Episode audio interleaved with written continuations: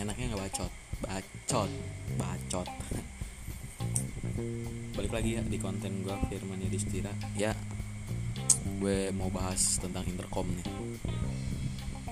Alat yang unik jarang ya. Jarang ditemuin. Tapi intercom itu gimana ya? Menurut gue uh, fungsi sangat berfungsi sih. Ketika lo touring ketika lo ngebucin ketika lo berangkat kerja ya kan? Di jalan sendiri ya kan? Nggak bete nggak bikin ngantuk. Kecuali lo ngedengerinnya lagu yang slow motion gitu ya yang slow slow dengan tenang. Jadi gini intercom itu untuk di kalangan anak muda sekarang jadi udah nggak aneh lagi ya. Jadi gue pernah karena gue bisa dikatakan di tempat gue itu masih jarang orang yang pakai intercom. Nah kan? Setelah gue beli intercom dan gue pasang di helm gue dan apa yang terjadi? Ya respon orang-orang di tempat gue kayak aneh gitu. Itu apaan yang dipakai di kuping lu gitu kan apa alat bantu? Apa lu budak pakai alat bantu pendengar kan lu gitu. Padahal itu alat yang sangat berfungsi ya buat trader-trader sekalian ya. Nah jadi begini. Intercom itu sebenarnya berfungsi ketika lo touring jarak jauh sama temen-temen lo.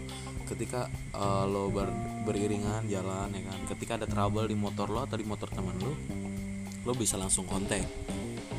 Ya kan langsung ngomong karena lo itu terkoneksi dengan intercom yang lainnya gitu guys nah selain bisa berfungsi untuk komunikasi antara rider lo bisa ngebucin juga men. Contohnya ngebucin.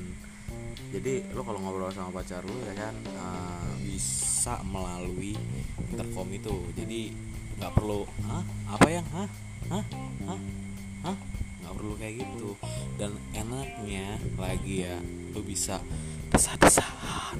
Oh, oh, oh, kayak gitu cok.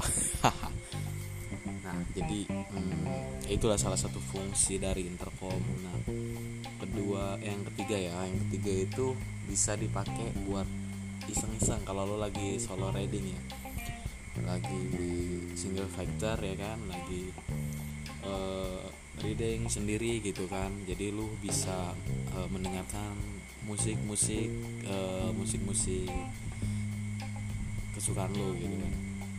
Ya kayak gitu sih kurang lebihnya.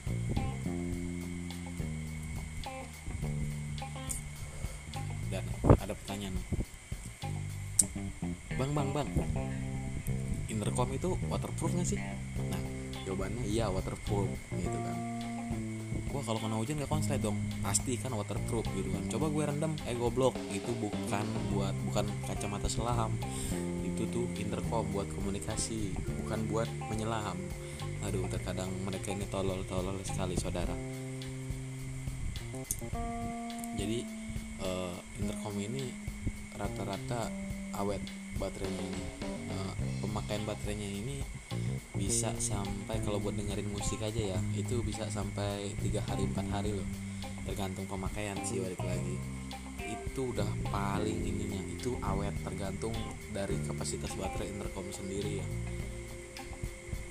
Nah bagusnya si intercom ini anjing ganggu motor. Sorry ya biasa pemula belum menyusup studio. Jadi ngangengong ngangengong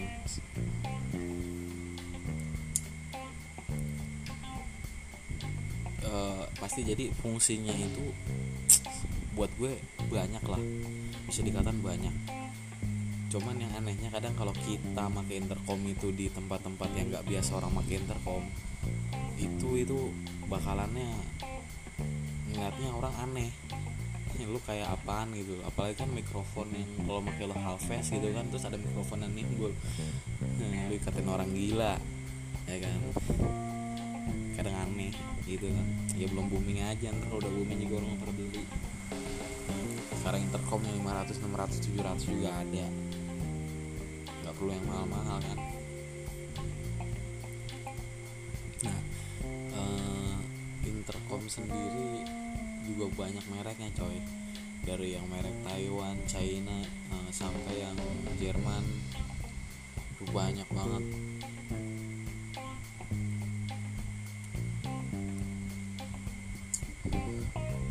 Jadi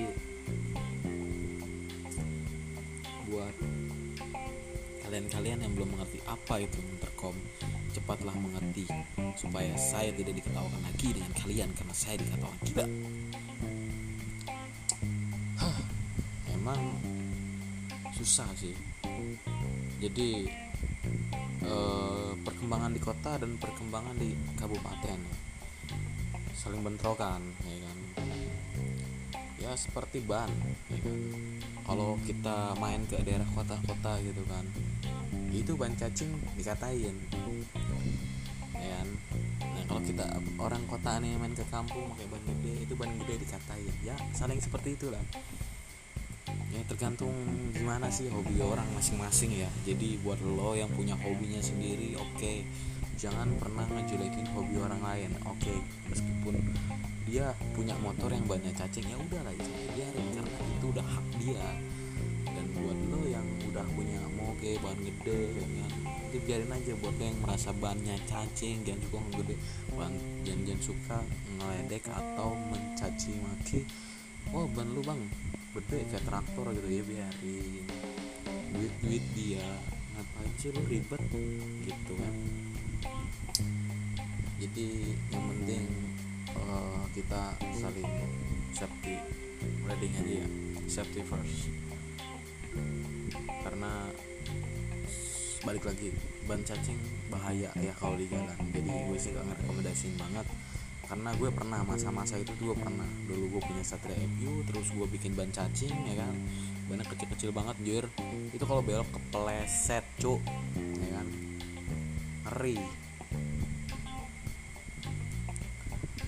Tapi nanti dulu jangan setelah gue bilangin kalau ban cacing itu nggak safety terus lo bilang ban gede itu safety tergantung tergantung ban sama sistem pengereman.